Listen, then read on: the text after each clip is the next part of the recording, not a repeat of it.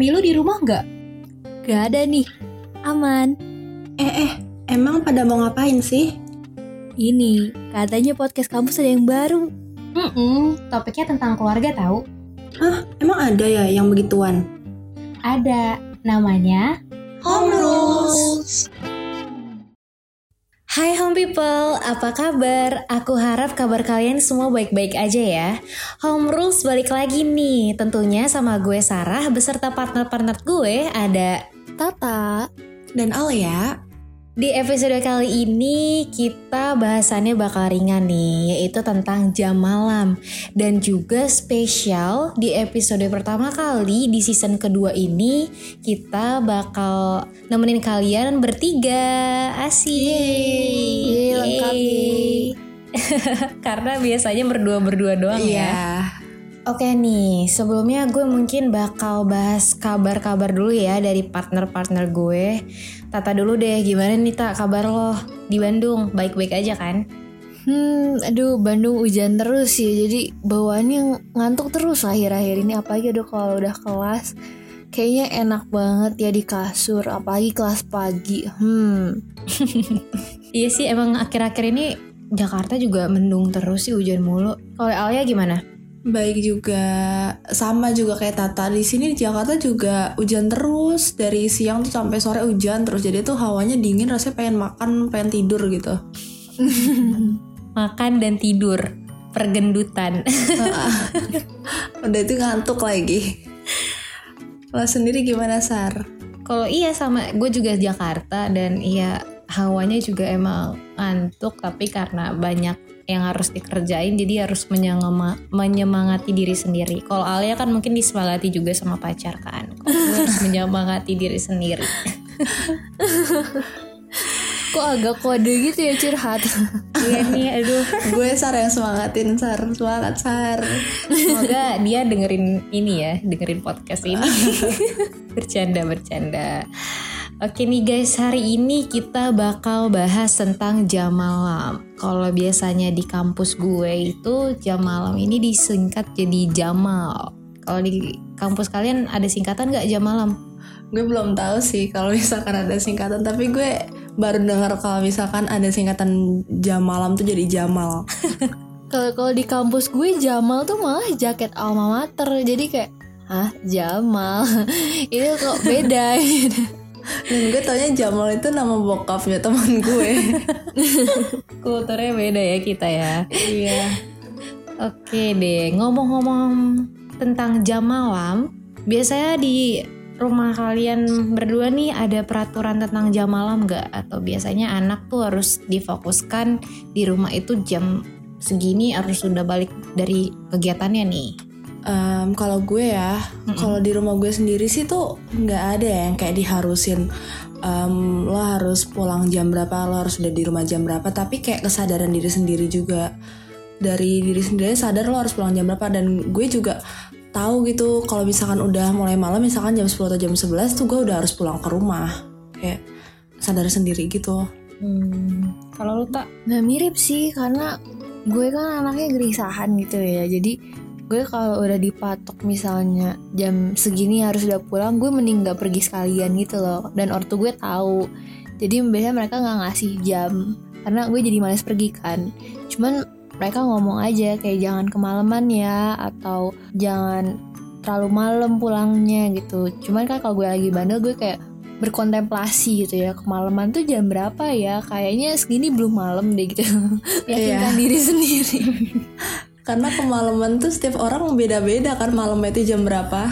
Hmm, hmm, hmm. Hmm, dan dan kalau gue tuh kayak gimana mood gitu loh. Kadang kalau misalnya emang gue nya udah capek atau kayak gak rame gitu gue jam 8 tuh udah ngerasa malam banget kan. Tapi kalau lagi asik kayak jam 10 tuh aduh kayak duh baru jam 10 gitu. Iya. Iya itu tuh kadang juga tuh ngerasa kayak gitu.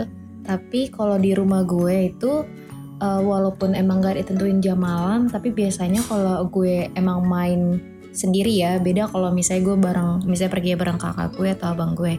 Kalau gue literally bener-bener kayak main sama teman-teman gue atau pergi sendiri itu biasanya tuh jam 10 tuh kalau bisa udah di rumah gitu. Hmm. kecuali gue bilang ada mendesak banget nih jadi kayak pulang harus jam segini. Atau malah ortu gue tuh lebih mendingan gue eh, nginep di rumah temen gue dulu kalau misalnya bener-bener kegiatannya tuh emang lagi nggak bisa daripada harus pulang malam-malam kan lebih Hmm. serem kayak gitu Tapi kan pernah gak sih kayak ngerasa kalau misalnya emang kalian sering pulang malam terus tiba-tiba kalian pulang maghrib gitu Ortunya malah nanyain, kok udah pulang jam segini? Iya, gue gue kayak gitu sih tak. Gue waktu itu pernah ya em, pulang tuh sekitar jam berapa ya? Jam setengah delapanan lah. Hmm. Terus gue udah pulang. Terus pas nyampe rumah tuh bukannya kayak biasanya tapi kayak kok kamu udah pulang? Tumben jam segini gitu. Jadi heran gitu loh gue pulangnya cepet banget. Berarti emang tandanya ortu lo tau lo biasanya pulang malam ya Al? Iya dan gue tuh kalau misalkan apa-apa pasti bilang em, izin ke nyokap bokap gue gitu loh. Mau ke mana sama siapanya tuh pasti bilang. Hmm, gue juga gitu sih. Biasanya gue kalau misalnya masih sore tuh atau jam sekitar jam setengah enam, biasanya gue pulang jam 9 gitu pasti kayak, kok kamu cepet banget tumben, ada gerangan apa gitu. malah terheran-heran ya Mm, Tapi jadi suka mikir gitu, emang emang gue baliknya semalam itu ya perasaan biasa aja deh. iya bener sih. Kadang mikir juga, ini kenapa tiba-tiba apa-apa ditanya-tanya sih orang gue balik cepet doang, emang salah gue balik cepet. Iya, ya padahal emang lagi pengen balik jam segitu aja. Iya sih, karena capek kan di luar tuh. Heeh. Oke, ngomong-ngomong tentang terlambat pulang nih, biasanya apa sih yang bikin mahasiswa-mahasiswa tuh atau zaman-zaman kita ya remaja-remaja kayak gini tuh sering telat pulang? Kalian tahu nggak? Hmm, kalau gue sih biasanya kayak masih pengen main aja gitu ya. Tapi kalau lo gimana Sar? Hmm, kalau gue sih, menurut gue nih hal-hal yang bisa bikin mahasiswa atau biasanya yang dialami oleh remaja-remaja itu kayak misalnya mereka punya kegiatan. Biasanya kan banyak yang sekarang bilang orang tua tuh kegiatan anak-anak mahasiswa tuh lebih banyak daripada kegiatan orang kerja. Hmm. Saking Iya, dia iya. banyaknya ikut kegiatan organisasi atau apa gitu. Itu salah satu alasan tuh yang bikin terlambat pulang. Kalian pernah ngalamin nggak kayak gini? Biasanya ini sering terjadi kalau offline nggak sih? Karena biasanya offline tuh Iya. kan kita sering ikut kepanitiaan dan kayak rapat-rapatnya tuh biasanya suka lama banget atau enggak misalnya nyiapin eh, buat acaranya tuh suka sampai malam banget kan. Benar-benar. Tapi eh, karena sekarang udah sistemnya hybrid ya, jadi kampus kampus kampus juga udah pada buka gitu. Jadi banyak juga loh sekarang yang ikut kepanitiaan kepanitiaan tuh udah datang ke kampus gitu. Hmm, iya iya apa. Terus sekarang kan eh, sistem-sistem acara juga banyak yang hybrid kan ya. Jadi tetap online tapi si MC gitu-gitunya tuh mereka di studio gitu. Hmm, Iya. Nah, untuk eh, hal berikutnya yang biasanya bikin mahasiswa-mahasiswa atau remaja-remaja tuh sering terlambat pulang itu karena bener yang tadi Alia bilang masih pengen main di luar dan juga yang bener Tata bilang kadang kita suka lupa waktu nih oh masih jam segini mikirnya gitu ah masih nantilah itu tuh hal-hal yang bisa bikin eh, seorang mahasiswa tuh atau anak-anak remaja tuh pada pulangnya tuh larut atau terlambat pulang Iya, bener banget. Soalnya gue juga kayak gitu. Kadang kayak masih jam 8 gitu. Ah, masih jam segini gue masih pengen main gitu. Gue masih malas pulang ke rumah. Jadinya ya udah tiba-tiba malam aja. Jadinya pulang ke rumah tuh udah udah malam gitu. Kalau kalau gue kadang suka FOMO gitu loh. Jadi kayak gue mikirnya nih baru jam segini pasti mereka habis ini mau ke mana lagi atau mereka mau melakukan eh, kegiatan lain lagi bareng-bareng kan terus kalau aduh kalau gue balik sekarang gue balik duluan yang lain masih pada rame kayaknya bakal ada cerita yang bakal gue kelewatan ntarnya gitu Oh, ya. Hmm, hmm, hmm, hmm, gue juga tuh.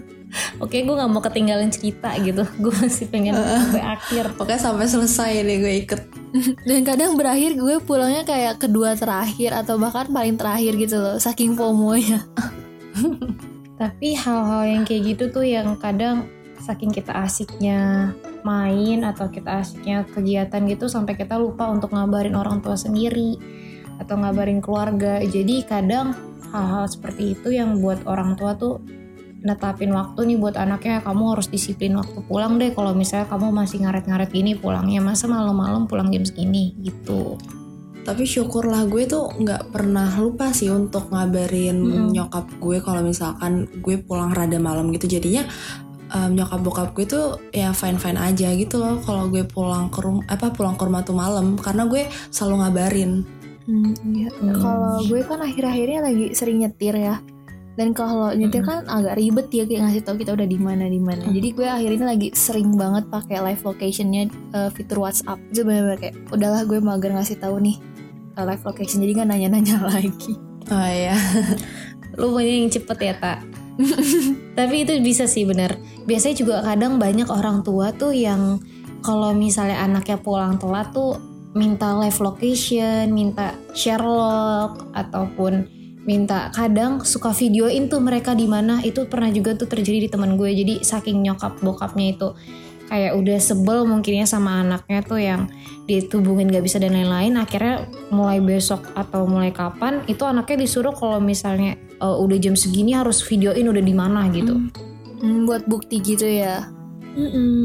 Tapi itu malah kebalikannya sama gue loh. Tapi kalau gue tuh malah kebalikannya. Gue yang inisiatif untuk ngirim video atau foto ke nyokap bokap gue kalau misalkan gue lagi di luar. Mm, gue juga inisiatif. Kayak enak aja Ah, ngirim. iya kayak enak aja gitu. Kayak nih nih mau aku lagi sini foto sama teman-teman gitu. Jadi ya enak aja kalau misalnya mereka tuh tahu kegiatan kita. Mm. Kalau gue kayaknya anaknya lupaan gitu loh. Kayak nggak kepikiran gitu. Gue kalau udah main jarang Ah. buka HP kan. Jadi kayak ya udah paling gue ngabarin pas nyampe dan pulang. Hmm, bener. Tapi ada juga loh guys yang alasan terlambat pulang itu biasanya karena dia nggak nyaman di rumahnya sendiri.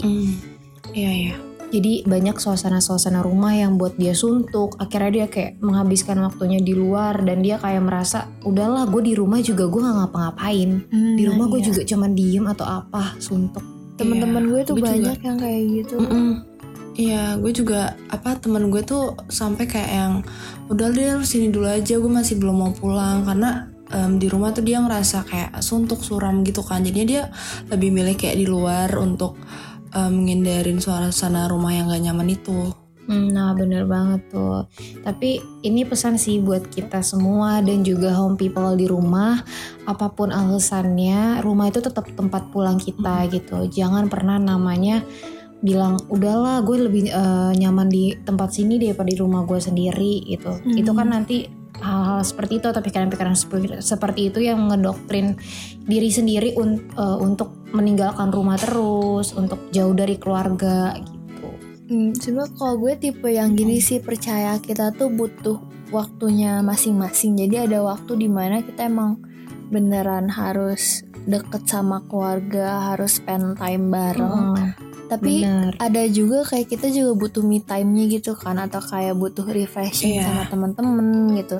Asal kita punya eh, time management yang bener sih kata gue secukupnya nggak apa-apa gitu loh. Bandel-bandel dikit gak apa-apa lah, tapi jangan sampai kebablasan. Iya, gue setuju sih. Kayak em, lo boleh kayak nyegerin em, pikiran lo dari Heeh, bener banget. yang suram di rumah, tapi juga jangan lupa untuk pulang lagi ke rumah karena mau ke mana lagi kalau kita selain nggak ke rumah. Jangan lari dari masalah juga. Karena kan yang namanya manusia tempat pulangnya tetap rumah kan. Mm-mm. Kayaknya itu gue pernah denger di lirik lagu deh. Lagu apa ya? Gue juga lupa, tapi gue pernah denger lirik itu. Kayak nggak asing ya kalimatnya. ya. Iya kan?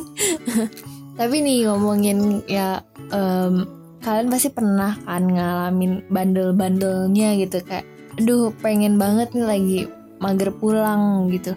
Nah biasanya alasan yang paling sering kalian pakai buat pulang telat tuh apa deh? Apa ya? Gue sih biasanya kayak masih rame aja gitu mah masih pada di sini gitu. Jadi aku masih pulangnya nanti ya kayak gitu sih. Kalau gue. Oh, kalau gue sih nggak bisa gitu. Gue kalau misalnya kayak gitu malah dibilang ya udah emang kenapa kalau masih rame. Iya sama. beda ya nyokap gue tuh malah santai aja oh ya udah nggak apa-apa gitu Kalau gue sih biasanya yang bener-bener kayak hal yang nggak bisa kita cegah kayak misalnya hujan kan nggak enak kalau Hmm. nyetir atau eh, jalanan hujan gitu atau macet itu kan hal-hal yang tak terduga yang bisa saya dateng kan Hmm. jadi ya wajar gitu. Ya itu sesuai kondisi juga sih. Hmm, kalau gue tuh biasanya ini kan kalau kita ngomong hujan atau apa-apa tuh kadang kayak krisis gitu. Jadi gue biasanya ngomong kalau malam tuh kan kita sambil makan malam ya.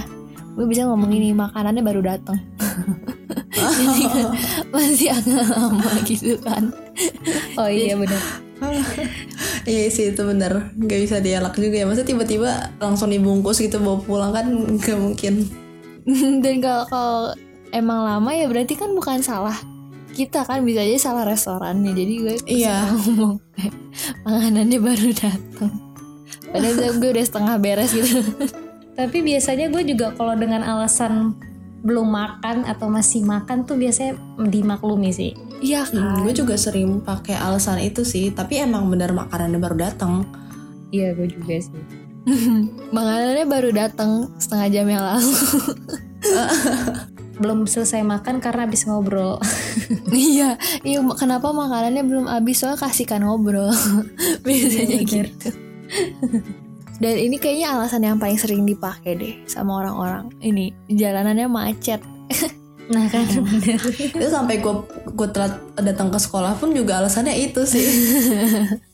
Ya kan itu paling Apa sih banyak banget alasan yang dipakai sama orang. Sering terjadi di kota-kota besar ya alasan ini Heeh. Karena nggak bisa dielak juga macet mau gimana mau terbang kan nggak bisa juga tapi kalau dulu guru gue tuh kayak pinter banget gitu loh ngebantahnya kayak "Eh, ya udah kenapa nggak berangkat lebih cepet? Kenapa nggak gini? Kenapa nggak gitu? Kayak buset pak kan nggak tahu pak bang. Biasanya tuh guru tuh iya sih al, eh, kalau kita udah bilang macet pasti dia bilang ya harusnya kamu berangkat lebih pagi lah. Nah tapi kalau Iya or- ortu gue tuh hafal gitu loh kayak kalau daerah sini tuh jam segini hari ini tuh bakal macet atau enggak gitu. Jadi kalau gue ngomong macet padahal lancar-lancar aja tuh kayak dicurigain kan. Jadi gue jarang sih pakai alasan ini. tapi kayaknya alasan macet tuh nggak nggak berfungsi buat anak yang sekolahnya deket dari rumah Iyalah. Iya itu mah kayak ya udah nyepelein karena sekolahnya deket dari rumah aja tapi karena biasanya orang yang de- rumahnya deket dari sekolah itu yang biasanya telat Iya, Iya. temen gue juga gitu. Bener-bener rumah de- bener-bener depan sekolah. Itu telat mulu dan gue aja dulu waktu di asrama ke sekolah aja padahal cuman kayak kepleset dikit nyampe sekolah aja itu sering banget telat. karena menggampangkan kan menggampang ah elah masih jam segini gitu terus akhirnya kebablasan Kebablasannya tiap hari ya. Tapi alasan macet untuk pulang telat ke rumah itu tuh em, gue jarang make sih karena kan biasanya gue kalau misalkan udah malam banget tuh kan sekitar jam 11-an gitu kan. Nah, itu tuh udah jarang banget macet. Jadi gue Udah jarang kosong pakai nggak sih alasan jalannya? ini. Iya, udah kosong gitu. Jadi macet apa gitu loh jam 11-an gitu. Iya sih. bener. Ini bang. Itu tergantung juga, tergantung jamnya dan suasananya. Oh, terus ini mungkin variasinya kalau emang kita mainnya ke tempat yang baru gitu daerahnya variasinya tuh udah nyasar tadi nyasar Ah, gitu iya. oke Iya. Tapi kayaknya kalau untuk alasan nyasar, kalau notabene-nya kita izin sama orang tua itu untuk main terus nyasar kayak agak kurang dipercayain deh gue.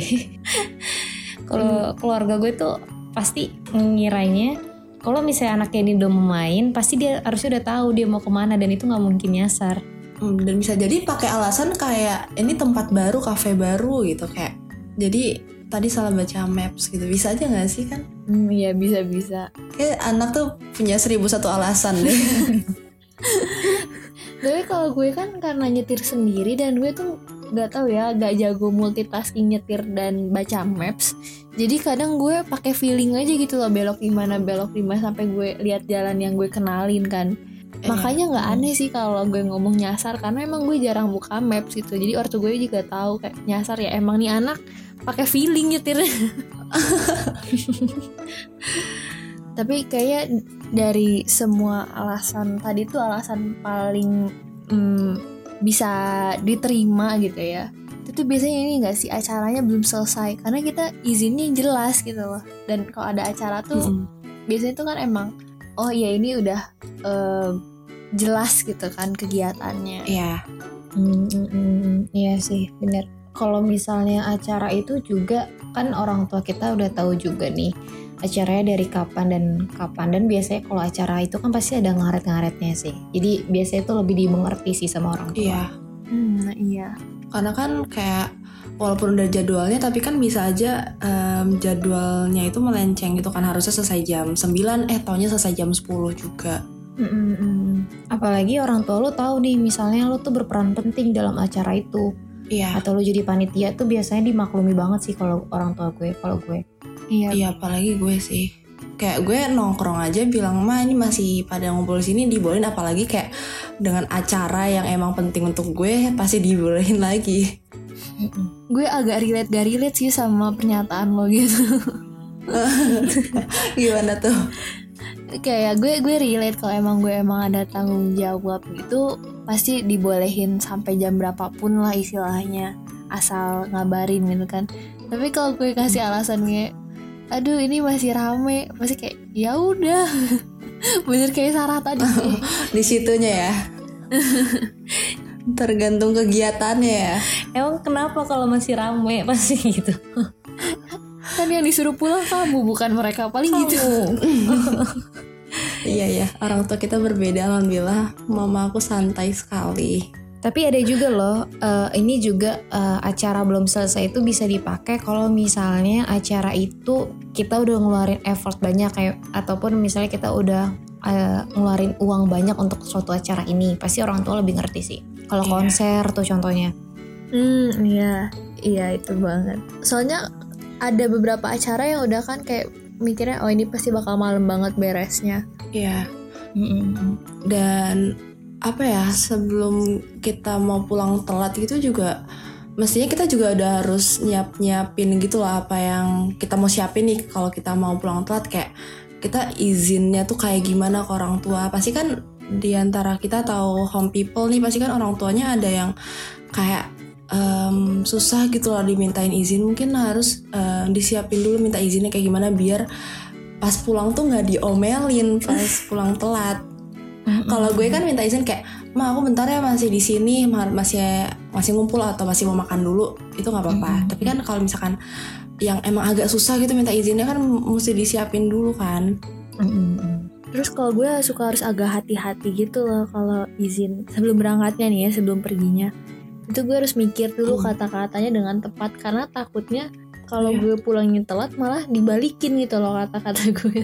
Oh, Jadi kalau gue bilang sampai malam ya itu gue nggak nyebut nih jamnya jam berapa biar nanti nggak kayak katanya jam segini tapi kok belum pulang suka Hmm. digituin kan Iya, gue oke juga. harus spe- spesifik gitu ya. Heeh. ya jadi kayak gue agak eh, apa izinnya tuh bener-bener gue pikirin dulu nih kira-kira yang paling gampang gue ngelesnya nanti yang mana Kalau gue kayak gampang aja gitu, mah aku mau, mau keluar ya mau ke sini gitu, sama si ini ini, gitu. Terus pas kalau misalkan am- gue nggak bilang sih sampai jam berapa, paling sampai di sananya baru gue bilang gitu. Lama aku pulangnya nanti ja- sekitar jam segini atau enggak nanti dikabarin lagi kayak gitu sih. Hmm, Kalau gue sendiri itu makanya gue tuh ada eh, ada sistem gitu loh. Kalau gue itu kalau untuk acara yang penting banget, acara yang menghabiskan banyak waktu dan gue harus pulang larut malam itu biasanya gue izinnya tuh udah dari jauh hari. Jadi Mm. orang tua gue tuh udah ngerti. Tapi kalau sekadar untuk main dan sebagainya macamnya mungkin kayak mepet-mepet juga nggak apa-apa. Mau keluar tiba-tiba juga nggak apa-apa. Tapi kalau misalnya untuk hal-hal yang acara atau kegiatan yang benar-benar gue mungkin harus nginep, itu gue emang harus udah jauh hari sih.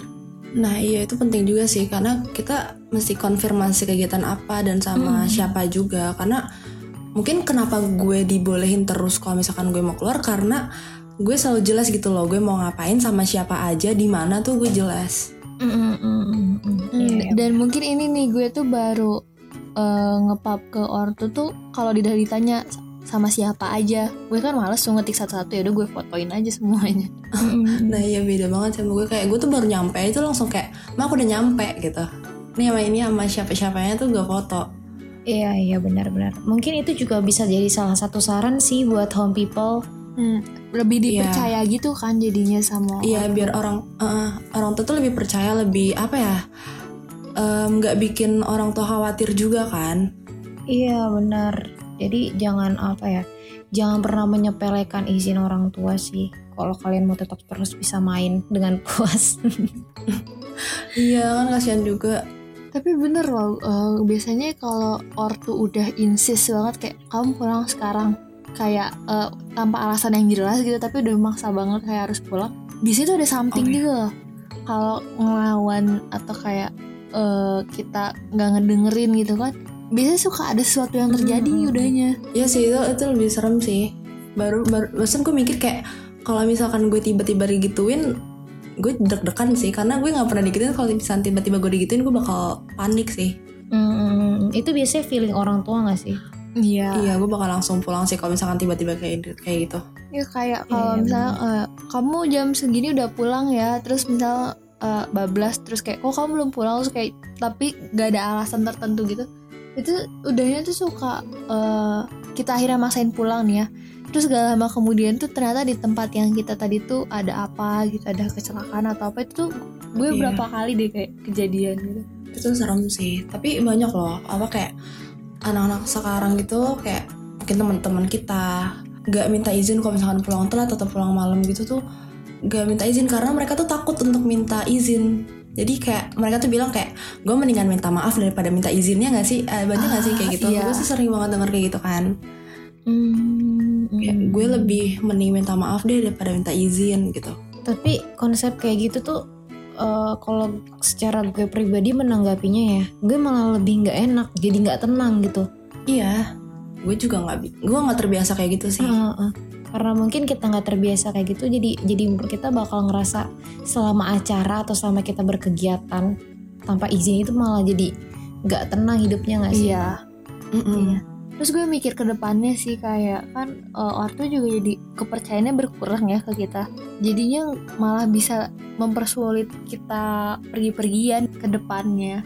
Iya benar benar benar. karena udah kalau udah menyangkut kepercayaan tuh udah udah sulit tau jadi ya pokoknya nomor satu kalau misalkan kita mau enak ke mana-mana dibawain ke mana-mana itu bikin orang tua tuh percaya dulu sama kita Mm-mm, Iya benar. Dan gue tuh ya kalau misalkan mau pulang telat tuh gue tuh nggak berani kalau misalkan handphone gue tuh bener-bener lowbat kayak yang 5% gitu gue tuh harus apa ya em, nyimpen baterai gue minimal tuh kayak 15% untuk gue di jalan ke rumah supaya gue tuh bisa ngabarin orang tua gue kalau misalkan ada sesuatu yang nggak gue inginkan apa tuh terjadi di jalan gitu Tapi kadang alasan baterai mati banyak loh yang jadi alasan Oh, itu untuk iya. pulang telat. Iya malah kayak di offin gitu datanya dimatiin biar nggak di chat nggak sih biar nggak dicariin Mm-mm, Bener-bener. Jadi seakan-akan tuh kita nggak tahu kalau misalnya orang tua kita udah ny- udah ngabarin, eh, udah nyuruh kita balik. Iya terus pas nyampe rumah kenapa kamu nggak diangkat teleponnya terus nanti bilangnya ini handphonenya mati gitu Gue nggak bisa sih kayak gitu. Itu Iya, paling gue juga bisa masuk gitu. akal.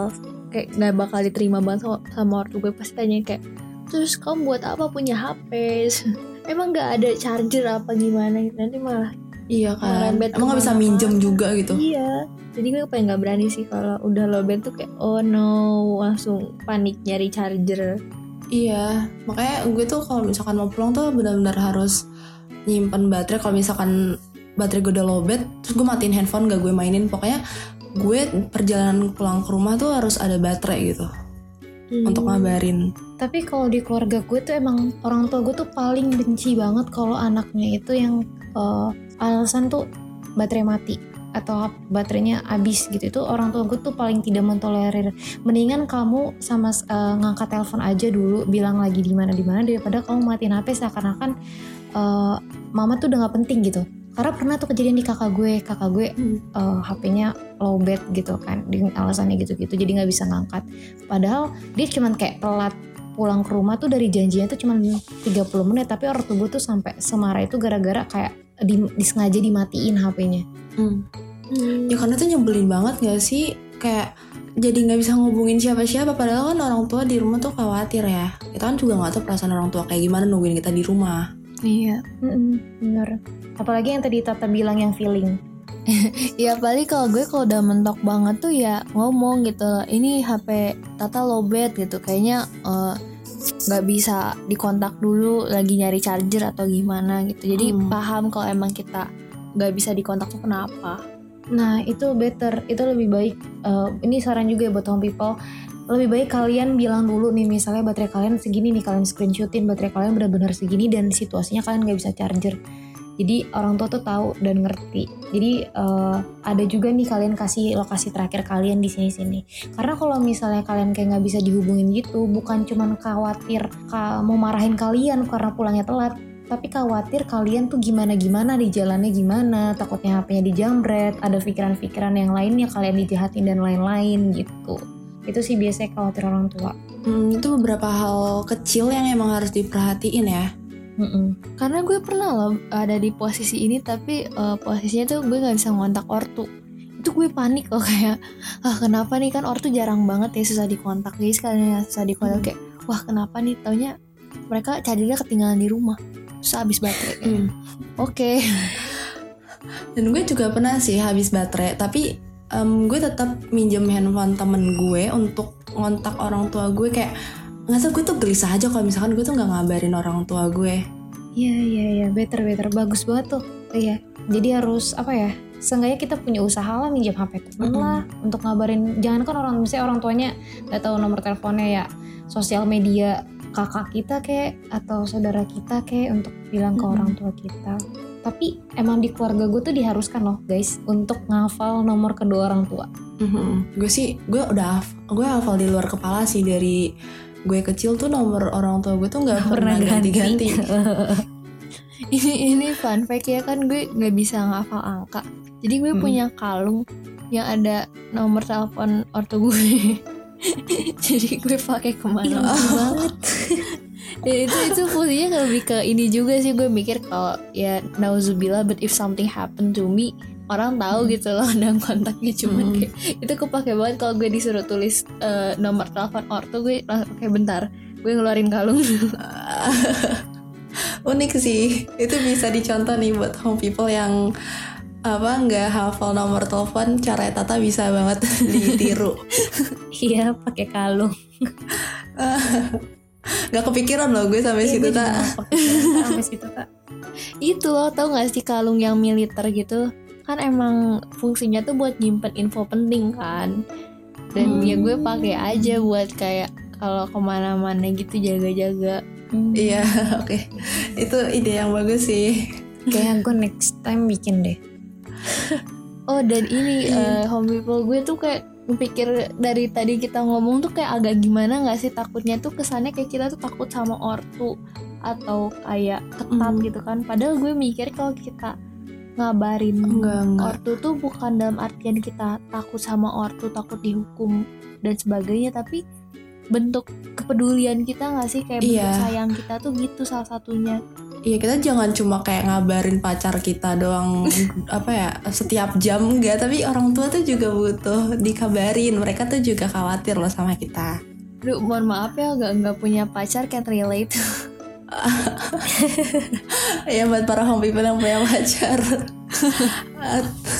Intinya harus tetap ngabarin sih ke mana pun kalian selagi kalian belum memiliki suami atau istri atau eh, belum punya kehidupan sendiri lebih baik ngabarin orang tua. Itu harus.